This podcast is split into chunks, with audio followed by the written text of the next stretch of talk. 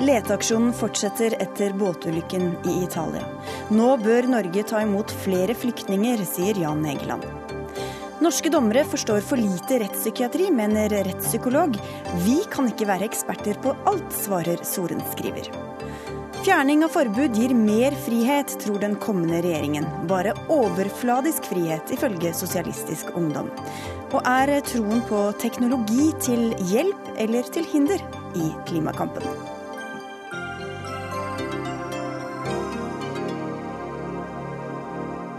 spør ukas siste Dagsnytt 18 på NRK P2 og NRK2. Jeg heter Sigrid Solund. Dødstallene stiger fremdeles etter båtulykken utenfor den italienske øya Lampedusa. I går kantret en båt med flyktninger fra Afrika, og så mange som 300 mennesker kan ha mistet livet. Også Marit Befring, NRKs europakorrespondent, du er akkurat ankommet øya Lampedusa. og Hvordan preges lokalsamfunnet der av dette? ja, her preges folk veldig sterkt av det som har skjedd. Eh, jeg har snakket med mange i dag som sier at eh, de har grått mye. Og mange er også sinte fordi at de mener at eh, Kystvakta ikke var der. Det skjedde bare en, denne båtulykken skjedde bare én kilometer fra land, og likevel så var det så mange som druknet før noen kom til. Og Det var en fisker som sa til meg at han var midt blant dem. Og de var overalt i vannet. Det var sikkert 100 stykker. Og han måtte velge hvem han skulle redde. Og en annen han eh, forsøkte å komme inn på dette mottakssenteret som eh, er utenfor byen her i Lampedusa i dag. Eh, og han hadde behov for å se dem som han hadde klart å redde opp i båten sin, men han fikk ikke lov til å komme inn der. Så denne, preger, eh, denne ulykken preger folk på veldig mange vis. Og det preger også hele landet, som vel skulle, skal ha landesorg i dag? Ja, det har vært nasjonal sørgedag i dag. Og selv senatorene hadde ett minutts stillhet slik resten av landet hadde. Men likevel så, så, tok de en avgjørelse i dag. De vil at Berlusconi skal miste sitt sete i Senatet. Denne avgjørelsen tok vel å merke hele dagen. Eh, men nå har de altså bestemt seg, og dette er andre gang de har votert for det. Eh, og da gjenstår det bare én runde som kommer i løpet av eh, to uker. Hva venter dem som faktisk overlevde denne båtturen? Ja, De som overlevde er jo nå på mottakssenteret. Det er rundt 130 stykker av dem. Og de er i et overfylt mottakssenter og er veldig veldig sterkt preget av det, sier de vi har snakket med der i dag. Eh, og, men de ønsker også å være med og identifisere alle de som er døde. Så de som har familiemedlemmer som er døde, har sagt at de ønsker å reise til denne hangaren der eh, alle de døde nå ligger, for å identifisere sine kjære. Eh, og de har også sagt at de ønsker å bli med og organisere begravelsen. Takk skal du ha, også Marit Befring. For under ett år siden skrev ordføreren på Lampedusa en appell eh, der han uttrykte stor frustrasjon og smerte over alle likene de må begrave, og sa at Europa burde skamme seg. Jan Egeland, generalsekretær for Flyktninghjelpen, kan du forstå den frustrasjonen? Ja, Den forstår jeg veldig godt. Jeg er veldig enig i den stakkars ordføreren, og mener Europa må gjøre mye mer. Eh, jeg tror mange nordeuropeere har faktisk opplevd på sydenturen sin å se at det kom et lik flytende inn på stranda. For dette har jo skjedd nå hver uke i flere tiår. Internasjonal migrasjonsorganisasjon har estimert at det kan være 20 000 eller flere som har dødd de siste 20 år i forsøket på å komme inn i Europa, enten over eh, Middelhavet eller på andre desperate måter. Altså nå, nå denne delen av verden eh, på for, eh, for, oss ulovlig vis. Du sier at Europa kan gjøre mer. Hva kan man gjøre? Vi kan gjøre flere ting. Vi kan ta eh, flere flyktninger der hvor det er krigsflyktninger som står i kø for å komme ut. Og det gjør vi gjennom FNs høykommissær for flyktninger, f.eks. nå fra Syria. Dernest hjelpe folk der de er i den ytterste nød. Eritrea er et land som ikke er 10 eller 20 eller 30 ganger så fattige som oss. De har en, et privat-offentlig rikdom som er en 200-del av vår. Så da burde det ikke forbause oss at de prøver å flykte hit. Så må vi også selvsagt presse for å få bedre styresett i disse landene, eh, bedre demokrati, eh, fredsarbeid osv., slik at vi kan skape håp der folk ikke har håp, og deres eneste ønske er å flykte denne veien. Velkommen tilbake til Dagsnytt 18, eh, Beate Ekeløve Slydal. Du er politisk rådgiver i Amnesty. Du var her i går og snakket om denne saken også. Hva mener du at Norge kan gjøre i disse tilfellene? Eh, som Jan nevner, så er dette her også en gruppe mennesker. Mange av dem er mennesker som er på flukt fra forfølgelse og undertrykkelse og grove menneskerettighetsbrudd. Eh, en av de tiltakene Norge kan gjøre, det er å få en praksis som gjør det mulig for menneskene der de er, å kunne søke om asyl på norske ambassader og utestasjoner. Når det gjelder de mange som flykter fra sosial eh, og økonomisk mangel på gode standarder, så er det jo noe med at man kanskje kan tenke litt nytt og kreativt med tanke på hva slags bistandspolitikk vi har. Sett også i lys og samarbeid med norske næringslivsaktører som er til stede i disse landene. Få en ordentlig oversikt sammen med det øvrige EU på hvem er de egentlig, eh, Hvorfor drar de? Hva kunne man gjort i fellesskap? Og kanskje tenke litt kreativt på tiltak og prosjekter som kunne gjort at langt færre av de som da ikke er forfulgt, men som da ønsker en bedre framtid, akkurat som nordmenn en gang de dro til Atlanterhavet til USA, blir i landet sitt og ikke legges på en dyr og livsfarlig reise. Vi kan komme tilbake til Norges ansvar eller ikke ansvar, men Jan Egeland, hva er det som har ledet opp til det systemet vi har i dag med Schengen og med de grensene, og som da har ført også til de flyktningstrømmene med de påfølgende ulykkene? Ja, altså det, var, det, var, jo en avtale mellom de europeiske landene at man skulle ha liksom én ytre grense. Og så skulle da flyktninger, ofte, ofte fra desperate situasjoner, som Beate Skyder sier, fra altså, afghanere eller irakere, syrere i dag f.eks., de vil da ofte havne først i Hellas via Tyrkia. Hellas som er et konkursbo som overhodet ikke har noen mulighet til å ta imot noen flyktninger.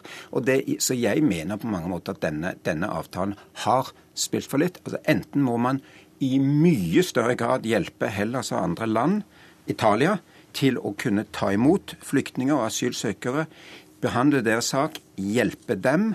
Eller så må man oppheve hele ordningen, og så må folk kunne komme hit direkte.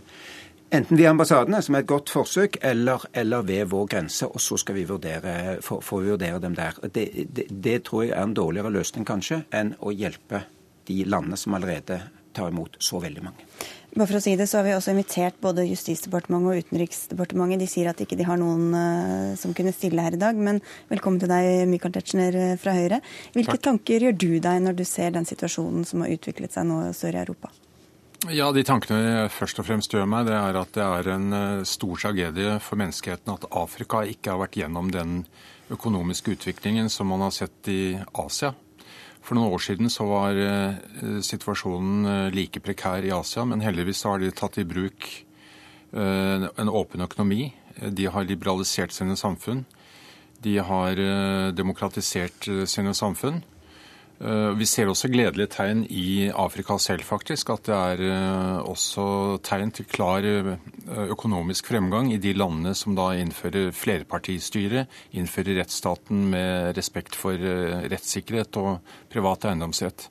Og så er det disse vi da blir stående med, som er en blanding av folk som både vil ha et sted å arbeide for å få bedre utkomme, og så er det de som kanskje er noe mindre, men uten at jeg vet det sikkert akkurat i denne situasjonen, som er på flukt eh, fra sine despotiske regjeringer. Så det er flere eh, problemer som må løses, og det viktigste er å ta fatt i de strukturelle problemene. Men hvilket ansvar har Europa og for oss da Norge når vi ser de problemene det skaper selvfølgelig for disse flyktningene, og også for de landene som de kommer til? Ja, Norge tar sin del eh, av det europeiske ansvaret. Vi er med Schengen. Det betyr at vi i Norge har stor arbeidsinnvandring fra næringssvakere deler av EØS-området. I det ligger også økonomisk utjevning. Eh, og noen skal vi kanskje diskutere senere i programmet hva det har å si for, eh, for, lønnsutviklingen i enkelte bransjer i Norge. Så vi er absolutt med i den internasjonale migrasjon. Men så er det også sånn at eh, arbeidsdelingen er at EØS-området eh, og Europa da eh, ikke kan slippe alle inn, fordi det altså ikke vil være noen løsning. Det beste er jo at disse landene får fart på sin egen økonomi og sine egne institusjoner, som gjør at folk ikke må reise ut av sine egne land og inn i en annen kultur med de problemer det skaper, men at de kan bygge landet der de er. Jeg tror vi bare skal erkjenne at uh, Norge har ikke vært en veldig sterk støttespiller i å bære det ansvaret og den byrden som enkelte land sør i Europa har ved å ta imot den store uh, andelen av mennesker på flukt. Vi er veldig gode på å skulle støtte tiltak og ordninger som gjør at de kan få bli der ute sør i Europa, for å unngå at de kommer hit. Vi skal ikke late som at ikke det er tilfellet, for det er det. Vi gjør det vi kan for å unngå at de faktisk kommer hit til Norge. For disse landene, Italia, altså for Italia, de tar imot veldig mange, men så gir de dem ikke noe særlig tilbud? Eh, Nei, ja, poenget er jo at et land som Italia og et land som Hellas, Spania også, de tar imot altså den største andelen av mennesker på flukt. De har alle tre økonomier som har svært store problemer, men de er de som skal ta seg av disse menneskene på en god måte. Vi må være solidariske og være med på en, en mer jevnere fordeling av hvem som skal ta dette ansvaret. Og Det gjelder altså Norge som resten av det nordlige Europa. Men før du blir for, Jeg er enig i noe av det du sier, men før du blir selv, for selvkritisk overfor Norge, så må vi jo minne om at det er naturlig at førstelinjestater alltid vil få et større trykk rent fysisk pga. sin eh, geografiske nærhet til disse strømmene. Så førstelinjestatene vil alltid ta det store trykket. Og så er det viktig at, Norge da også bidrar med utmerkede personer som eh, Jan Egeland. Han kan ikke løse alle verdens Har gjort en stor eh, jobb i FN, og at vi tar vår, vår andel av, av av det som skal til for en eh, internasjonal fellesaksjon. Men så kommer det et forslag om at disse menneskene kan søke asyl eh, på ambassader og andre utestasjoner eh, i, i rest, andre deler av verden. Hva syns du om det forslaget? Jeg er ikke sikker på om det vil løse noe. Definitivt ikke på det strukturelle. Men husk at for å da oppnå status som asylsøker, så må du også da fylle de konkrete kravene til å være flyktning. Og da er jeg redd for at eh, det ikke er de eh, vi snakker om denne, på Lampedusa. Men eh, det er selvfølgelig også en sammensatt gruppe. Så Norge er et lite land. Og vi skal ta vår andel av, det, av det, våre internasjonale forpliktelser. Det er også viktig at vi fortsetter å ha en, en asyl- og flyktningpolitikk som har god margin til internasjonale minstestandarder, og det skal vi ha. Jeg husker veldig godt på begynnelsen av 90-tallet at man satt faktisk i UD og andre steder. Jeg var selv der. Og lurte på om det ville komme flere hundre tusen, kanskje oppimot en million russere over grensen, fordi at man trodde at Sovjetunionens eh, sammenfall og økonomisk kollaps skulle bety at russerne vandret. Det viste seg å bli helt feil. Men jeg tror nok hadde vi mottatt en eller to millioner da, så ville vi ønsket en byrdefordeling i Europa. Og det er, derfor, og det, er det altså, Lampedusas ordfører ønsker. Men for å være helt enig med Tetzschner at det, det er ikke ved å ta alle til Norge vi løser verdens fattigdomsproblemer på. Vi løser verdens fattigdomsproblemer i disse landene. Eritrea er så uten håp at alle vil ønske å dra hvis ikke det blir en massiv investering. Og da kan mm. Norge gå i, i, i spissen for nye initiativer, slik vi dels nå har gjort på Somalia, ja. hvor det er en del håp, faktisk, for første gang. Og hvis det er sånn da at disse menneskene lever under eh, sånne kår at de faktisk hadde oppfylt eh, kriteriene for å, få, for å få opphold i Norge, hvordan skulle vi klart å håndtere det dersom de også i tillegg kunne bare dra inn til hovedstaden og søke fra ambassaden der? Eh, jeg tror at dette, dette, dette scenarioet som man tror at all verdens flyktninger og asylsøkere, hvis de kunne, så hadde de valgt å komme til Norge, det er en, en myte. Norge har aldri vært og kommer aldri til å bli førsteprioritet av landet i verden som flyktninger ønsker å dra til. Det det er snakk om her nå, det er å sørge for å, å ha en mer solidarisk eh, ansvarsfordeling på det å ta vare på de menneskene som kommer på flukt. Vi kommer ikke til å skulle sitte med all verdens flyktninger hos oss. Og jeg har lyst til å si til Tetzschner, som nå har Høyre, og dere er i regjering, nå er det dere som styrer skuta. Og vi mener at dere må bidra til at den skuta ikke er en russen, overbefolka holk. Nei, altså Jeg tar alle innspill her, og jeg kommer ikke til å avgi noen uh, storartede erklæringer om hva politikken blir uh, videre, fordi det er ikke opp til meg. Uh, så alle, alle NGO-ene, alle de frivillige organisasjonene som, som har et ærlig hjerte og, og idealistisk engasjement, vil jo selvfølgelig også være stemmer som blir hørt. Samtidig er det viktig å holde også fast på de hovedprinsippene, og, og samtidig se at vi kan ikke bare ha en taktikk, vi må også ha en strategi for å løfte disse landene ut av, av sin fattigdom. Det, det, er det som er den store strukturelle oppgaven. Den kan Norge ikke ta alene, den må verdenssamfunnet være med på. Jeg tror strategien må være at vi alle da i disse rike landene, som er over 100 ganger rikere enn disse andre, sier at perspektivet må flyttes litt fra eh, et hull i asfalten her og, og, og, og en, en, eh, noen uh, ukers kø i den eller den køen i vår velferdsstat.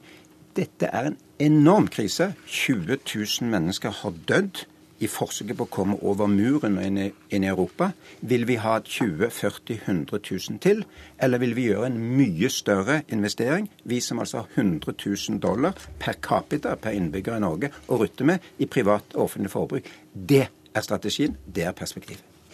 Takk skal dere ha. Vi får se når regjeringen kommer hva slags flyktningpolitikk eh, det blir. Jeg setter jo resten av sendingen vår også i et annet perspektiv. Takk skal dere ha for at dere kom til eh, Dagsnytt 18. Michael Tetzschner eh, fra Høyre, Jan Egeland og Beate Ekeløv Slydal fra Amnesty. Hør Dagsnytt 18 når du vil, på nettradio eller som podkast. nrk.no – dagsnytt 18.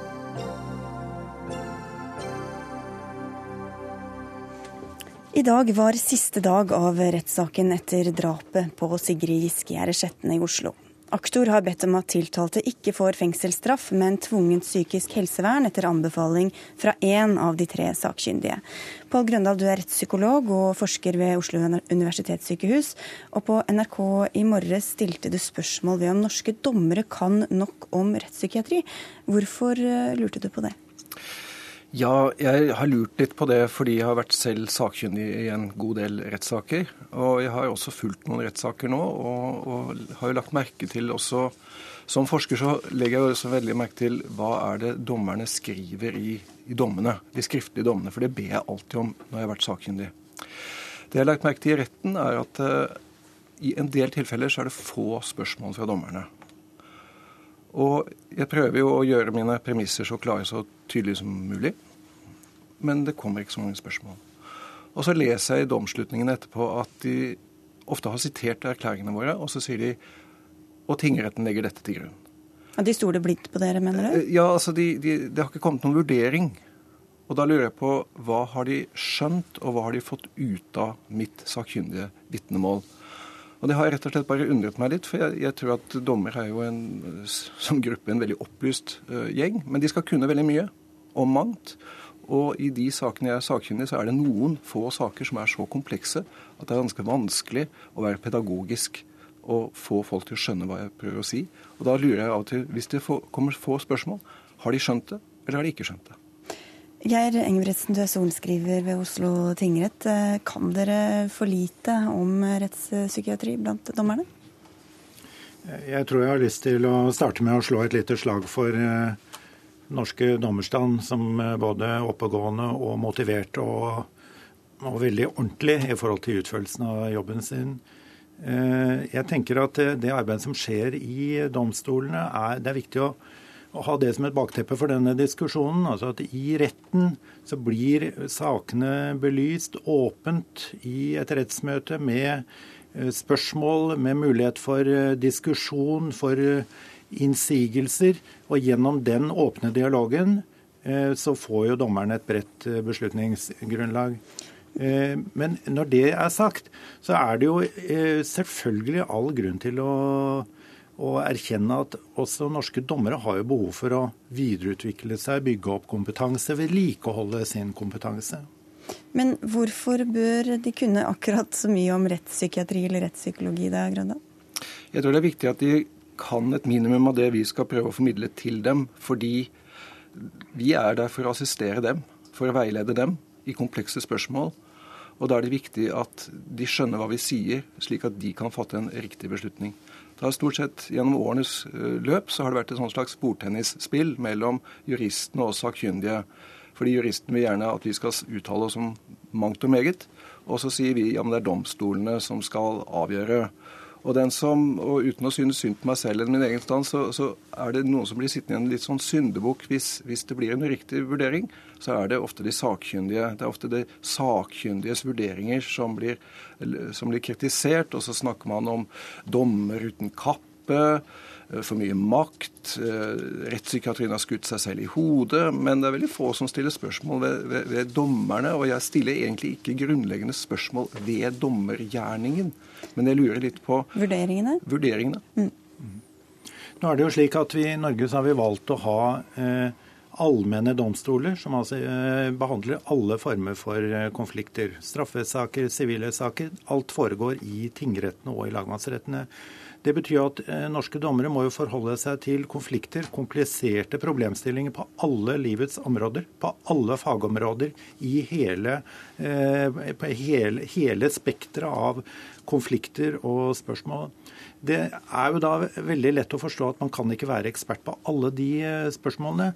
Det jeg tror vi må holde fokus på, er at det dommerne skal være ekspert på, og jeg mener at de også er det, det er jo å gjennomføre forhandlingene, få belyst saken på en ordentlig måte stille spørsmål, eh, være årvåken i forhold til at faktum blir, eh, kommer ordentlig fram, og vurdere bevisene, ikke minst, i etterkant. Men jeg lurer jo også på, eh, Burde man kanskje vurdere spesialdomstoler i visse tilfeller? Altså I andre land så har man egne ungdomsdomstoler. Man har domstoler som håndterer psykisk sykdom osv. Jeg er jo enig med deg. Dere skal jo kunne kolossalt mye. Og er det noe som dere virkelig kan noe om, så er det vel våtromsekspertise. For det er så mange konflikter rundt våtrom. Men når det kommer til disse kompliserte drapssaker med psykiatri i bildet, så, så lurer jeg av og til på hva får dere egentlig med dere? Og er taushet, få spørsmål, et uttrykk for usikkerhet, eller at vi som sakkyndige har vært så tindrende klare? Jeg tenker at eh, Domstolens arbeid bør kanskje måles mest gjennom de avgjørelsene man treffer, og ikke hvordan eh, rettsmøtet blir gjennomført. Men jeg har lyst til å si at spesialdomstoler er jo en, eh, en stadig tilbakevendende problemstilling. Vi har valgt i Norge å ha allmenne domstoler, og da er det altså partene partene, advokatene og de sakkyndige, som skal opplyse saken for dommeren. Men eh, vi hadde en eh, lang rettssak mot Anders Behring Breivik her eh, i fjor, og der oppnevnte retten først nye sakkyndige etter mye press eh, utenfra. Hva sier det også om tiltroen til de sakkyndige da, i, hvis man kan si noe generelt ut fra det?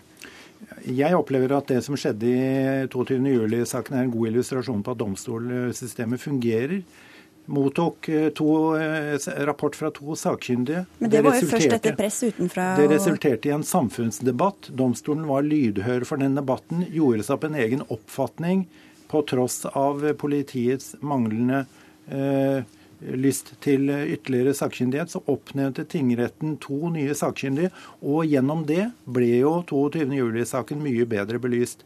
Det er en god illustrasjon på, på den domstolvirkeligheten som vi prøver å ha. I Sigrid-saken, som vi nå har eh, nettopp gjennomført, er det jo tre sakkyndige. De mener litt forskjellige. Dommeren skal vurdere de ulike eh, synspunktene og argumentene når dommen skal skrives. Hva mener du dette gjør med rettssikkerheten, Grøndal? Det, det er veldig vanskelig å vurdere. For jeg kan jo ikke si at fordi dommerne av og til er stille i enkelte rettssaker, så gjør de feilaktige slutninger. Det tror jeg ikke de gjør. Men jeg tror eh, generelt sett at de kanskje hører litt for mye på oss. Eh, det var en undersøkelse av Paul Nielsen i 2005 som hadde gått gjennom 50 avgjørelser i lagmannsretten. Og han fant at det, det dommerne gjorde, det var at de refererte mye til de sakkyndige, og så skriver de og så legger vi de sakkyndiges vurdering til grunn. Men Stoler ikke du på deg selv og på dine kollegaer, da? Altså, så, sånn at dommerne også kan, kan, gjøre det? det er et veldig godt spørsmål. Ja, altså, selvtvilen har jo alltid fulgt meg. Men jeg tror nok at vi gjør så godt vi kan, og det tror jeg også dommerne gjør. Men jeg tror det er dommerne som skal administrere rettssaken og få den belyst på best mulig måte. Alle gjør jo så godt de kan i eh, rettssalen, det er jeg ikke i tvil om. Men jeg tror vi må holde fast ved at det er psykiaterne som er eksperter på det. Dommerne er eksperter på gjennomføring av rettsmøtene, eh, vurdering av bevis. Jeg har lyst til å si at kommunikasjon det dreier seg om både å gi og, og, og ta. Hvis det er slik at eh, de sakkyndige føler at de ikke når igjennom med budskapet, så må man kanskje jobbe med presentasjonen også og gjøre den mer tilgjengelig for dommerne. Vi har meddommere som på ingen måte kan være eksperter på dette området. Det er helt enig. Er det noe som er internasjonalt og nasjonalt vi vet om, så er det at sakkyndige må ha helt klart språk. Da var dere i hvert fall litt enige til slutt. Da. Takk skal dere ha for at dere kom til Dagsnytt 18, Pål Grøndal og Geir Engebretsen. Nå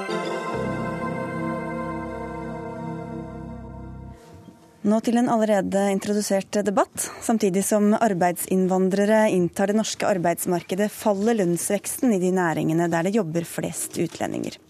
Det skrev Aftenposten i går og viste til forskning fra Frisch-senteret. Og det er positivt, mener du, Sveinung Rotevatn, leder i Unge Venstre og nå også stortingsrepresentant. Hvorfor det? Jeg skjønner at folk har lyst på høyere lønn, det tror jeg alle har. Men eh, det som er utfordring for Norge, er at Norge har hatt veldig høy lønnsvekst de siste 10-15 åra. Ehm, lønnsnivået i Norge ligger 60% over snittet i, eh, i, OECD, i Vesten. Det er en kjempeutfordring for Norge med tanke på eh, vår konkurransekraft, med tanke på industrien vår, eh, mulighetene våre for å eksportere, reiseliv osv.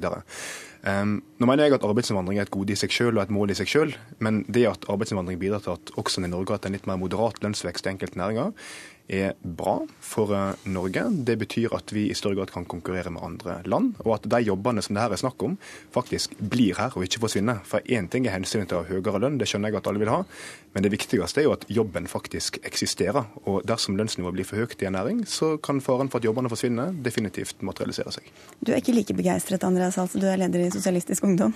Ja, nå er jo En av de næringene vi snakker om her, og som var utgangspunktet for debatten, nemlig lønningene i reiselivet. og Er det en næring som ikke forsvinner, så tror jeg ikke at Lofoten-guidene pakker sakene sine for å, eh, for å dra til et annet land.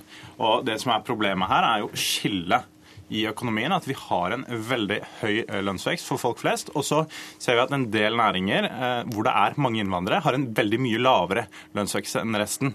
Det er en utrolig skremmende utvikling, fordi det skaper et A- og B-lag i arbeidslivet, men samtidig skaper det en etnisk deling i arbeidslivet, der nordmenn har godt betalte yrker, mens de yrkene hvor også mange nordmenn jobber, men som også har begynt å ta inn mange innvandrere, som handler om bygg- og anleggsbransjen, reiselivsbransjen, hotell og restaurant de kommer stadig dårligere ut.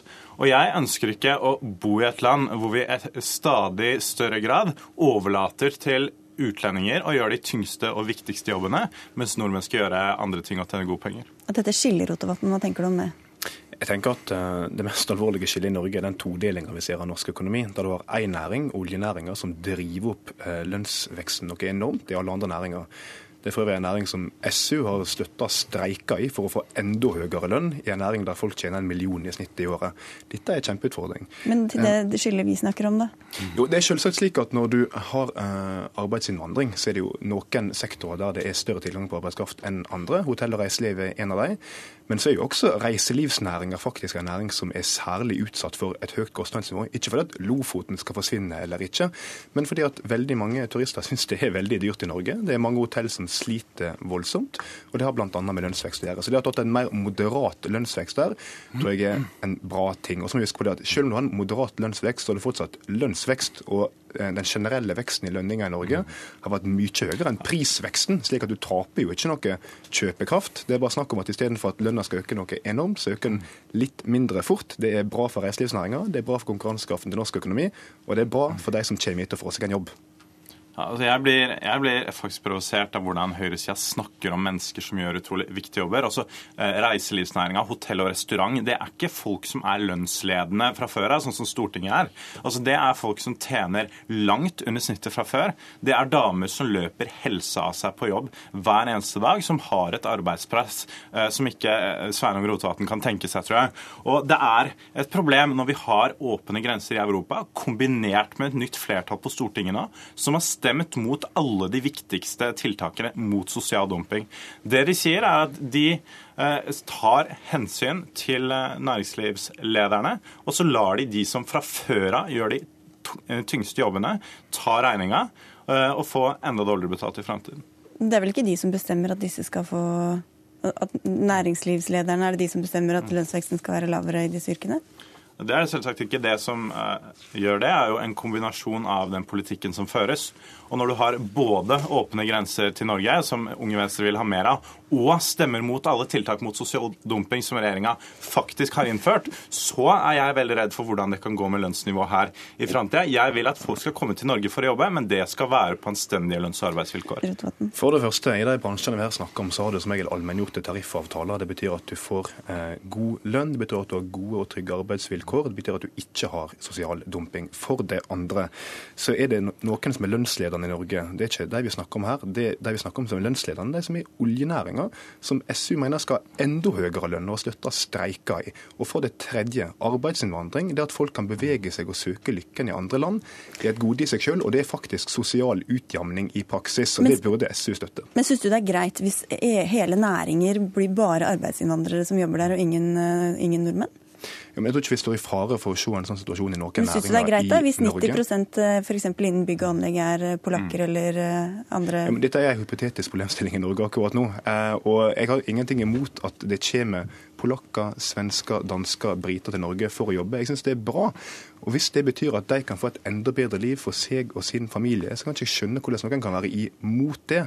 Og jeg må innrømme at jeg husker noen år tilbake når jeg opplevde at folk i SV og SV var litt mer positive til at folk kunne komme til Norge, at folk kunne komme hit og få seg en jobb. Det syns jeg var fint. Og jeg syns det er synd at de nå har lagt seg på en linje der en skal reise murene rundt landet vårt og være proteksjonister i stedet for å ønske folk velkommen. det er bra for deg, det er sosial utjevning i praksis, altså. det er et mål i seg Ja, sjøl. altså det her er et helt urimelig angrep. på at vi, vi er veldig for at folk kommer til Norge for å jobbe, men vi sier at det skal være på anstendige lønns- og arbeidsvilkår. Men. Sveinung her vil ha et race mot bunnen. Det er ikke sånn at alle de næringene er allmenngjorte. Og de, der det er allmenngjorte tariffavtaler, det har jo dere i Venstre også vært mot. For de mener at folk skal konkurrere om stadig dårligere lønninger. Jeg syns det er uanstendig å ville ha et land som får en kantarøkonomi, der innfødte skal gjøre fine kommunikasjonsjobber på Oslo vest, mens de som kommer hit skal gjøre de tyngste jobbene. Jeg mener at det beste med Norge er at vi har vært et land hvor alle har en lønn de kan leve av, uavhengig av hvilken jobb de har. I en de kan vel leve av den lønna i, i hotell- og restaurantbransjen nå, eller? Altså I en del bransjer nå, hotell og restaurant, eh, eh, i, I bygg- og anleggsbransjen så er det mange eksempler på så grov sosial dumping at det ikke er mulig å leve av den lønna. Det er et politisk ansvar. Det skulle jeg ønske også høyresida innså og hadde lyst til å gjøre noe med. Et av de mest effektive tiltakene mot sosial dumping, nemlig å ha en minstelønn, har vi foreslått på Stortinget. Da ditt parti stemt imot. For dere syns det er viktigere at den makta skal ligge hos fagforeningene, enn at folkevalgte skal sette anstendige vilkår for arbeidslivet. Og så er det faktisk slik at jeg syns vi skal tenke videre enn Norge. Nå er vi faktisk i et Europa der vi har et Norge som vi bor i, der vi har behov for arbeidskraft, der økonomien stort sett går bra. Men vi har mye arbeidsledig ungdom og voksne i andre land som trenger jobb. Og det syns jeg det er fint at folk kan komme hit og være med og bidra og fylle opp ledige jobber i Norge. og bidra til å bygge vår økonomi videre, og bidra til at vi har bedre konkurransekraft. Men hva syns du om eh, dersom de kommer hit og utkonkurrerer kvalifisert norsk arbeidskraft da, og tar inn eh, ukvalifisert arbeidskraft fra andre land i stedet for, som gjør at andre norske bedrifter ikke overlever? Ja, Det syns jeg er en viktig diskusjon. Altså, Hva eh, fagkrav skal du stille i ulike næringer? Ikke sant? Krav til fagbrev, krav til kompetanse. Men den diskusjonen må man jo ta i hver enkelt næring, ikke ut ifra et hensyn om å hindre folk å komme til Norge, men ut ifra et hensyn om hva som gir best mulig tjenester. Og Den diskusjonen er jeg helt med på. Men Sveinung trekker opp helt falske skillelinjer, for det er ingen som vil hindre folk i å komme til Norge. Det er en diskusjon mellom oss som vil sikre et anstendig lønnsnivå, og de som ønsker et kappløp mot bånd i lønns- og arbeidsvilkår. Den siste siden står Sveinung Rotevatn på. Vi ønsker å ha noen klare standarder for hva som skal være lønns- og arbeidsvilkår i Norge. Det skal være mulig å leve på norsk lønn. Det er noen som hindrer folk i å komme til Norge, og det er du som vil si opp EØS- og Schengen-avtalen. Det er det mest effektive vi kan gjøre for å hindre folk i å komme hit, og det syns jeg er en dårlig idé.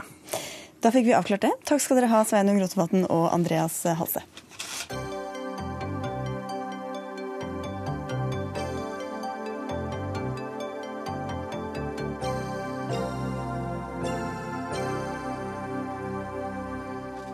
Med den nye blå regjeringa skal kommunene selv få bestemme om det skal være lov å kjøre snøscooter i kommunen eller ikke.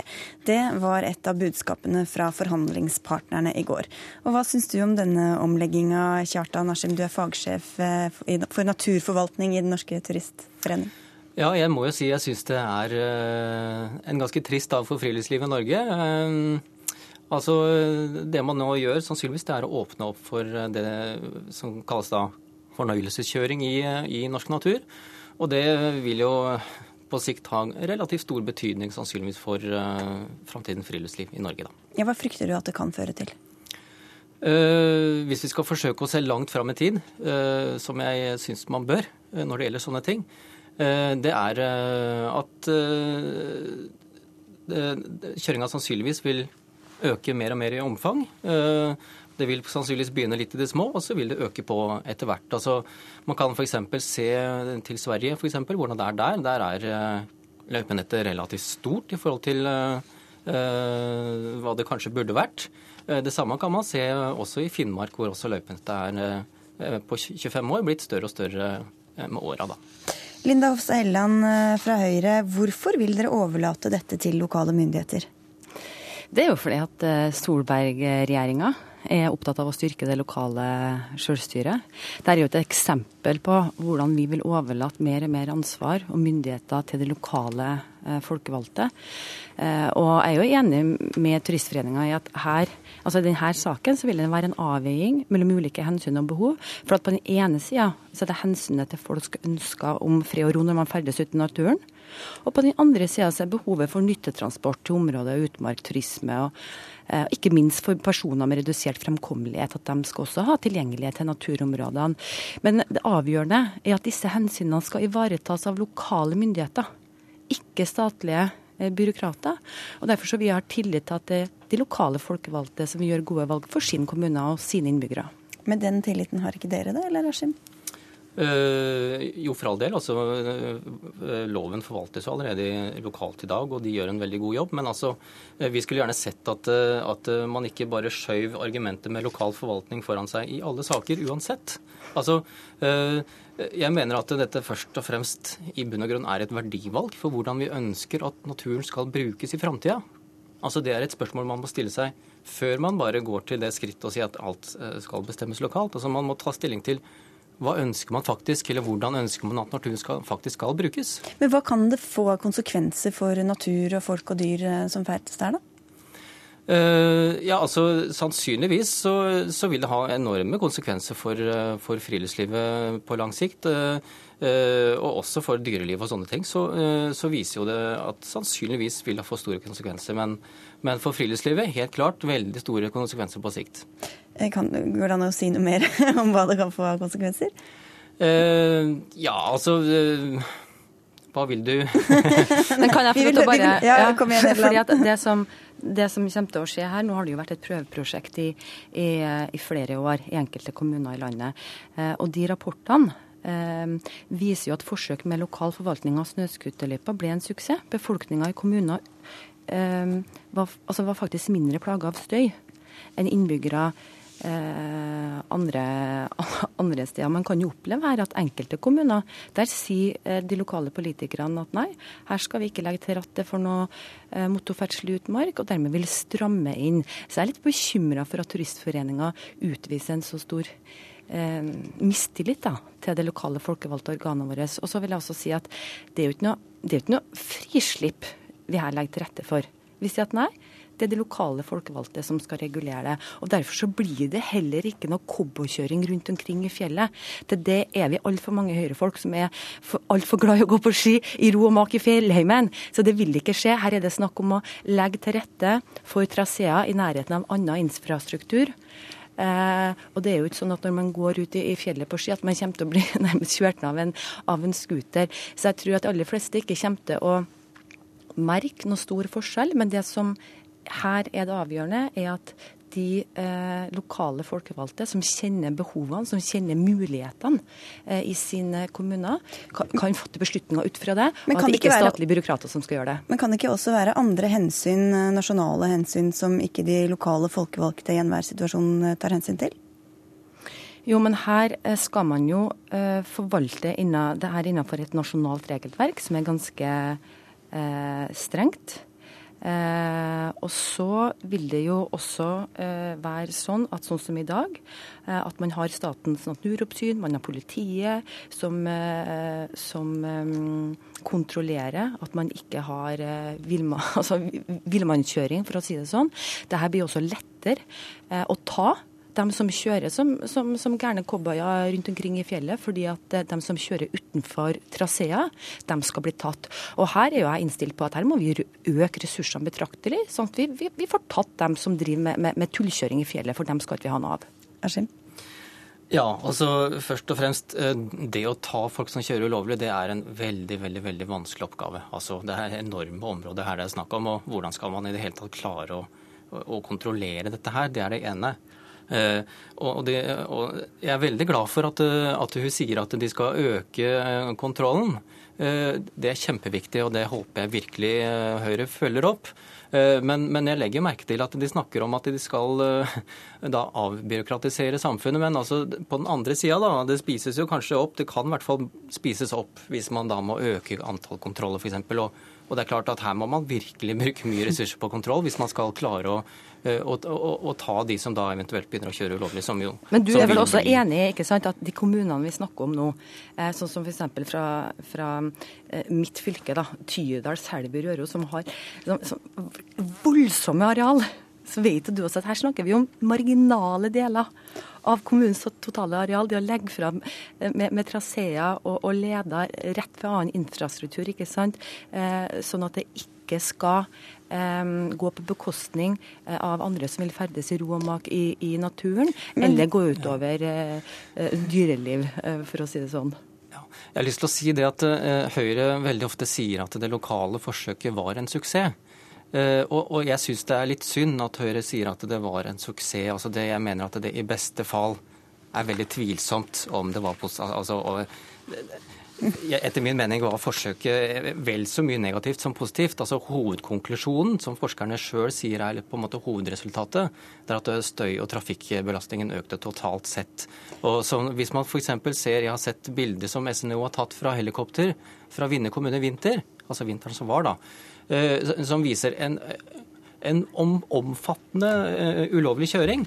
Og, og, og, jeg tror at uh, intensjonen kanskje kan være god. Man ønsker liksom at jeg skal bare ta litt, litt kjøring her og litt kjøring der. Men, men på sikt så er jeg ganske sikker på at vi vil, eh, vi vil, se et helt annet friluftsliv og en annen bruk av norsk natur. Da må jeg takke dere Kristian Askim og Linda Hofstad Helleland for å høre helt på slutten her, Helleland, eh, en liten budsjettlekkasje. Hvor mange millioner dere skal bruke på kontroll for å kontrollere alle disse områdene? nei, nei, men jeg er innstilt på at eh, vi er nødt til å, å også øke ressursene. fordi at i dag så, så foregår det eh, mye tullkjøring rundt omkring, og der har man ikke nok kontroller for å slå ned på det. Takk skal dere ha for at dere kom til Dagsnytt 18.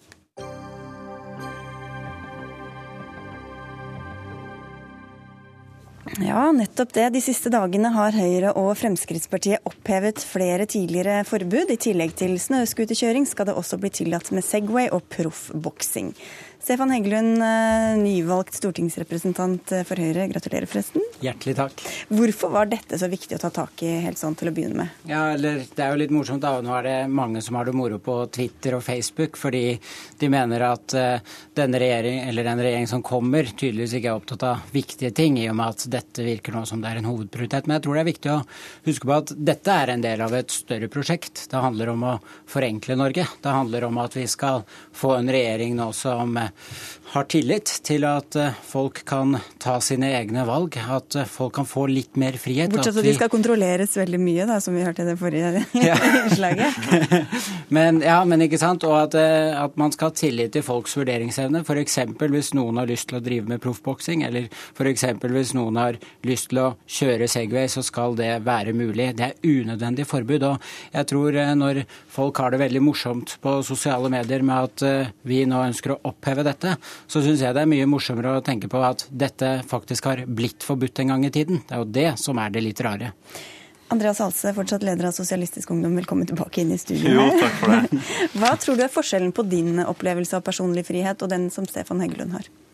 Jeg tror at altså, Ofte når høyresida snakker, så, så framstiller det som at det å oppheve et forbud i seg selv er å gi frihet til noen.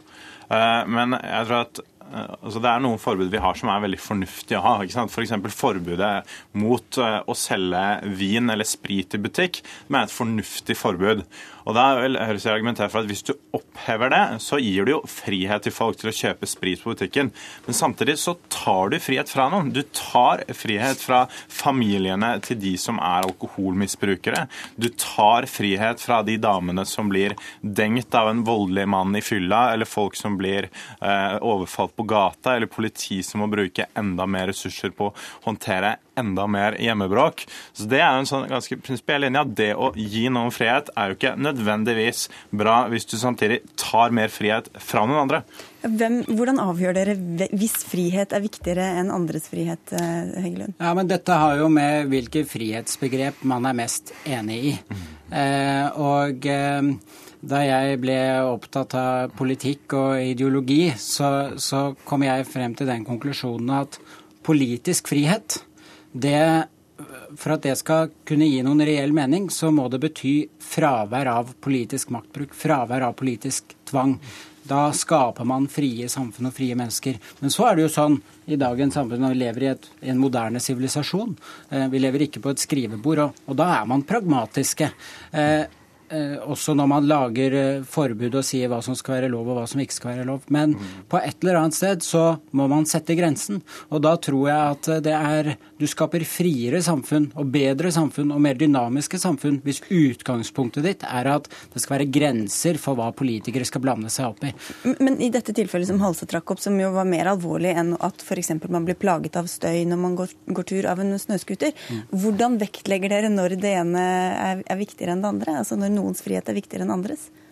Ja, jeg mener jo at eh, hvis f.eks. hvis det er noe som har svært negative konsekvenser for mange enkeltmennesker og samfunnet, så er det riktig, eller så kan det være riktig å ha et forbud. Jeg mener f.eks. narkotika er et eksempel på det. Jeg er ikke for å legalisere narkotika. Det finnes liberalister på høyresiden som mener at det har med frihet å gjøre. Det mener ikke jeg. Så, men jeg mener at man, skal, man må ta sånne pragmatiske avveininger fra sak til sak. Eh, men det er jo derfor også den debatten som vi har nå er så interessant. Fordi at hvor skal politikernes grense gå? Og da mener vi at vi kan løfte på noen grenser, eller sette klarere grenser for politikerne, og det er det vi gjør nå. Hva slags frihet tilbyr dere på venstresida, mener du, som ikke høyresida tilbyr? Altså, bare la meg ta det om de små forbudene som de har flikka på nå først. at jeg, Vi er også med på å fjerne forbud som er meningsløse. Både Segway eh, kan jeg sikkert være med på. Lakrispiper i butikk må de gjerne få selge. Men så syns jeg det er eh, er veldig, veldig liksom, symptomatisk at det høyresida valgte å bruke tiden sin på nå, det er å lage fri, liksom veldig overfladisk frihet på områder som ikke betyr så mye for vanlige folk. Mens det de ikke har sagt noe om ennå, er jo de store frihetsarenaene, som f.eks. arbeidslivet. Jeg mener at det er veldig mye mer å si for vanlige folks frihet om du har en fast jobb å gå til, om du jobber heltid eller deltid, om du blir ringt hver søndag eh, og fortalt når du skal jobbe uka etter. Og Det er jo den grunnleggende forskjellen på høyre- og venstresida, at vi ser at det, der politikere ikke blander seg, så er det også andre maktstrukturer. Og Da stiller vi f.eks. i arbeidslivet mer på arbeidstakeres side, mens eh, høyresida vil lene seg tilbake og se hvordan hvordan det går med deres såkalte frihetsbegrep. Men er, deres frihet er frihet for de få. Vår frihet er frihet for de mange. Ja, Dette syns jeg er litt rart, fordi at uh, i, i, norsk politikk, uh, i dagligdags politikk, så er det ganske bred konsensus om mange ting. Det tror jeg er en god ting. Uh, og når det gjelder f.eks. arbeidsliv, som vi har snakket om, som Andreas tar opp nå, så har vi sagt at da skal man gjøre moderate endringer, fordi vi mener at et fleksibel, litt mer fleksibelt arbeidsliv kan gi et friere arbeidsliv.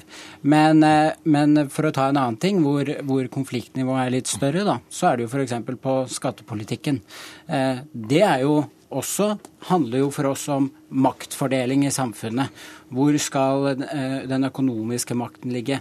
Vi mener at eh, det der må være slik at man, det må være grenser for hvor mye penger staten skal kunne ta fra deg, samtidig som man avveier for de hensynene, de fellesskapsløsningene som vi skal, som vi skal ha sammen. Og da er jo vi, Her er jo vi helt uenige. Fordi at For oss der, på skatt f.eks., så handler det om eiendomsrett, det handler om maktfordeling, eh, mens, mens dere vil ha enda mer makt på politikernes hender. Ja, altså, vil ikke ha makt på politikernes hender, men jeg tror at et godt velferdssystem også gir frihet til de som sitter nederst ved bordet.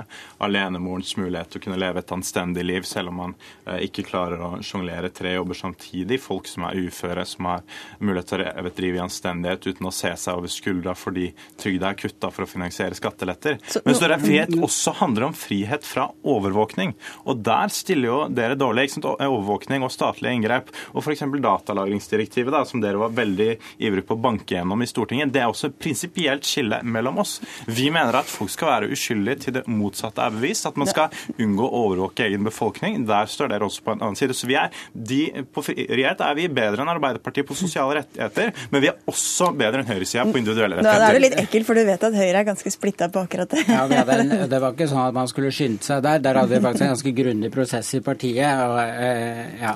Så, så, det, så det syns jeg ja, men, det litt, men, det litt, men, det er litt, urimelig. Men så, vi til, så nevner Andreas velferdssamfunnet. Og det er jo ikke der konfliktnivået i norsk politikk ligger. Vi ønsker jo også å løse ting i fellesskap, f.eks. et godt utdanningstilbud eller helsetilbud eh, for alle. Og jeg tror at hvis vi, hvis vi klarer å se hva som er de virkelige konfliktlinjene i norsk politikk, istedenfor å skape konfliktlinjer som ikke finnes, så kan vi få en større, bredere og mer interessant debatt og komme litt videre.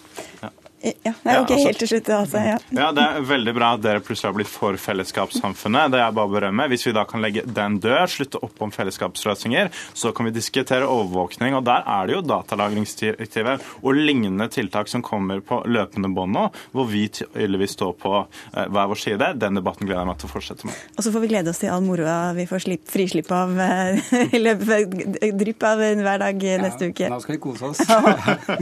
Takk skal dere ha, Stefan Heggelund og Anne Andreas Halse.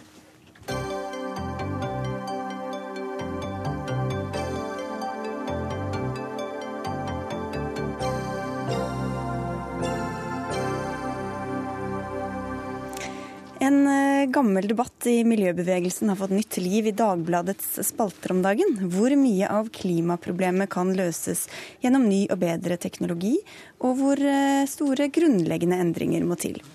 Det siste innlegget foreløpig kom i dag, forfattet av deg, Eivind Trædal. Du er kommunikasjonsrådgiver i Naturvernforbundet. Hva er farene, tror du, ved å fokusere for mye og for ensidig på teknologi? Nei, altså Det vi ser er jo eh, bl.a. i befolkninga at uh, det kom en rapport nå i vår blant annet, som viste at folks holdninger til sitt eget forbruk og rollen det spiller i sant, ødeleggelsen av miljø og ressurser i verden, det er veldig synkende, mens troen på teknologi som på en måte en løsning på klimaproblemene er veldig voksende. Så der ser vi en slags trade-off. Og så ser vi da også at politikerne, både for så vidt vår forrige statsminister og vår nye statsminister, de fokuserer veldig på teknologiutvikling som på en måte den store hva skal man si, ene løsninga som skal ta oss gjennom dette her og, og, og løse verdens klima- og ressursutfordringer uten at vi trenger å gjøre noen spesielt store endringer av samfunnet vi lever i, og måten vi lever på.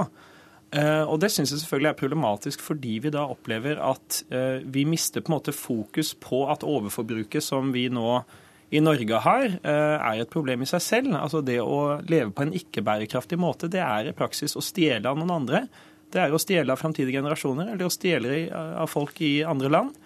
Og jeg tror de aller fleste nordmenn nå kanskje sitter igjen med en idé om at vårt overforbruk på en eller annen måte vil løse seg, så lenge vi kjøper oss en Tesla og bytter ut en, noe til en varmepumpe. Og dette er veldig viktige løsninger. Altså, det må vi faktisk også gjøre. Men hvis vi da tror at det er nok, så tror jeg ikke vi kommer til å komme i mål da, til et bærekraftig samfunn som vi må ha. Har vi vært for opptatt av teknologien, eh, Kari Elisabeth Kaski, du er nestleder i Miljøstiftelsen Zero?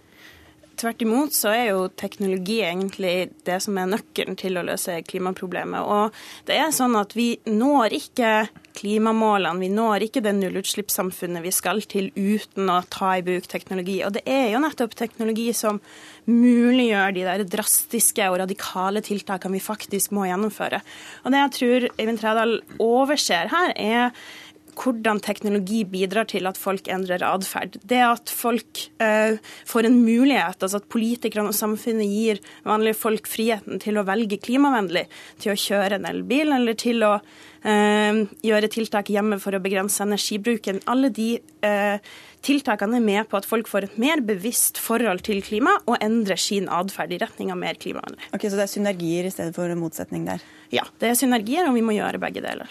Ja, og jeg tror på en måte selvfølgelig at det er en veldig viktig effekt. Altså Det er helt åpenbart at når vi får ny teknologi, så lærer vi oss å, å tenke på nye måter. og det, Denne smarttelefonen er et eksempel på det. Alt mulig vi har rundt oss er eksempler på det. Men jeg tror aldri vi kommer til å finne opp en teknologi som er like god til å overtale og bevisstgjøre oss som vi selv er. Altså, det er mennesker som eh, må bevisstgjøre hverandre. og miljøbevegelsen også spiller selvfølgelig en veldig viktig rolle i å forklare folk eh, den store bildet at vårt ressursforbruk i Norge i dag, det er ikke bærekraftig. Selvfølgelig må vi ha utvikling eh, og velstandsøkning mange steder i verden, men for guds skyld ikke Norge med dagens kurs. For vårt forbruk det kan ikke opprettholdes sånn som det er nå.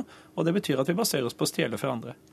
Det er Miljøbevegelsen sin fremste rolle etter min mening er å peke på hvilke tiltak vi som samfunn skal, som helhet må gjennomføre, og ikke mm. peke nedover på å, å, å overlate ansvaret til individet.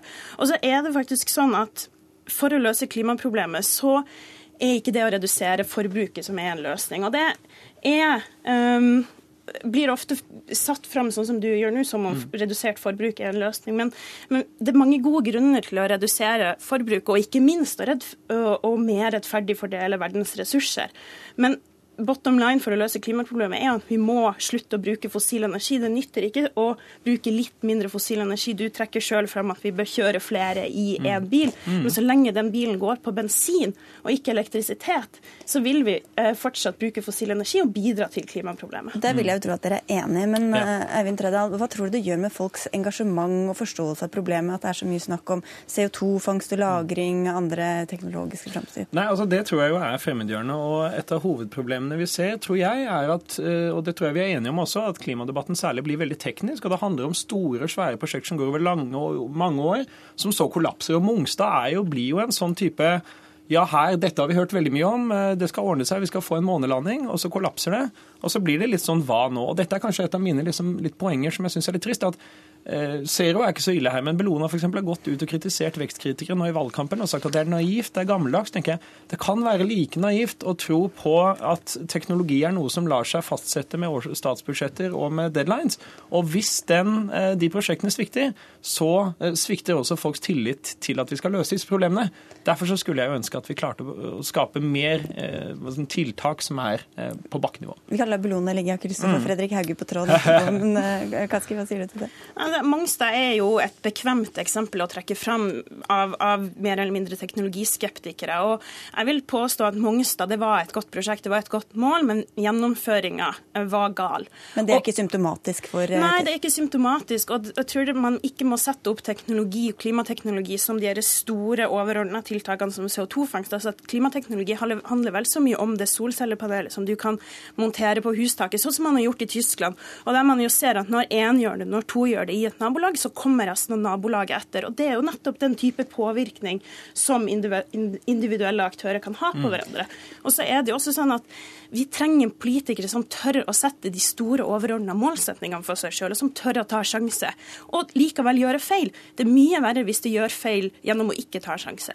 Men Treda, hvor mange ja. tror du du får engasjert ved, ved, å fortelle dem at de må slutte å kjøpe så mye klær og kjøre mindre bil og spise ja, altså, grønnsaker? Akkurat måten man gjør det på. Altså, jeg tror det er veldig viktig å bevisstgjøre folk om at vi ikke lever bærekraftig. og Det tror jeg vi må fortsette med. Det har vi gjort før, og vi må gjøre det igjen. Og Det finnes et uh, godt ordtak i miljøbevegelsen. altså Vi er ikke blindt mot framskritt framskritt, men vi er mot blindt framskritt.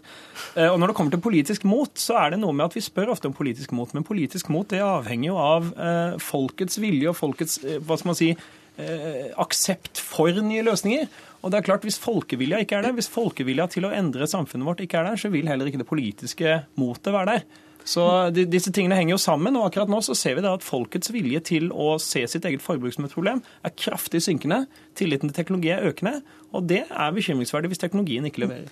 Ja, Det betyr jo at folk er villige til å ta teknologi i bruk for å løse mm. klimaproblemet. og jeg tror ikke du løser det klimaproblemet gjennom å gi folk dårlig samvittighet. og Det er litt den veien man argumenterer for her, at vi må gi folk dårlig samvittighet. Men i stedet så må vi gi dem, dem den friheten og de mulighetene til å ta de klimavennlige valgene i hverdagen. Mm. Uh, og så må vi slutte å bruke fossil energi. Det er det som er kjernen eh, i å løse klimaproblemet, ikke å forbruke litt mindre. Men hvis vi da skal f.eks. la olje ligge, så tror jeg det er veldig viktig at folk faktisk er enig i det og er med på det.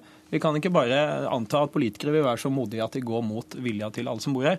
Så da har vi en stor jobb foran oss med å forklare folk at dette er nødvendig, fordi vi lever på en måte som ikke lar seg opprettholde, og som er urettferdig. Sendetiden vår er dessverre over. Takk for at dere var med å fylle den, Eivind Tredal og Kari Elisabeth Kaski fra Zero. Dagsnytt 18 er tilbake på mandag. Ansvarlig for dagens utgave var Ida Tune Øretsland. Teknisk ansvarlig Frode Thorshaug. Og jeg heter Sigrid Solund.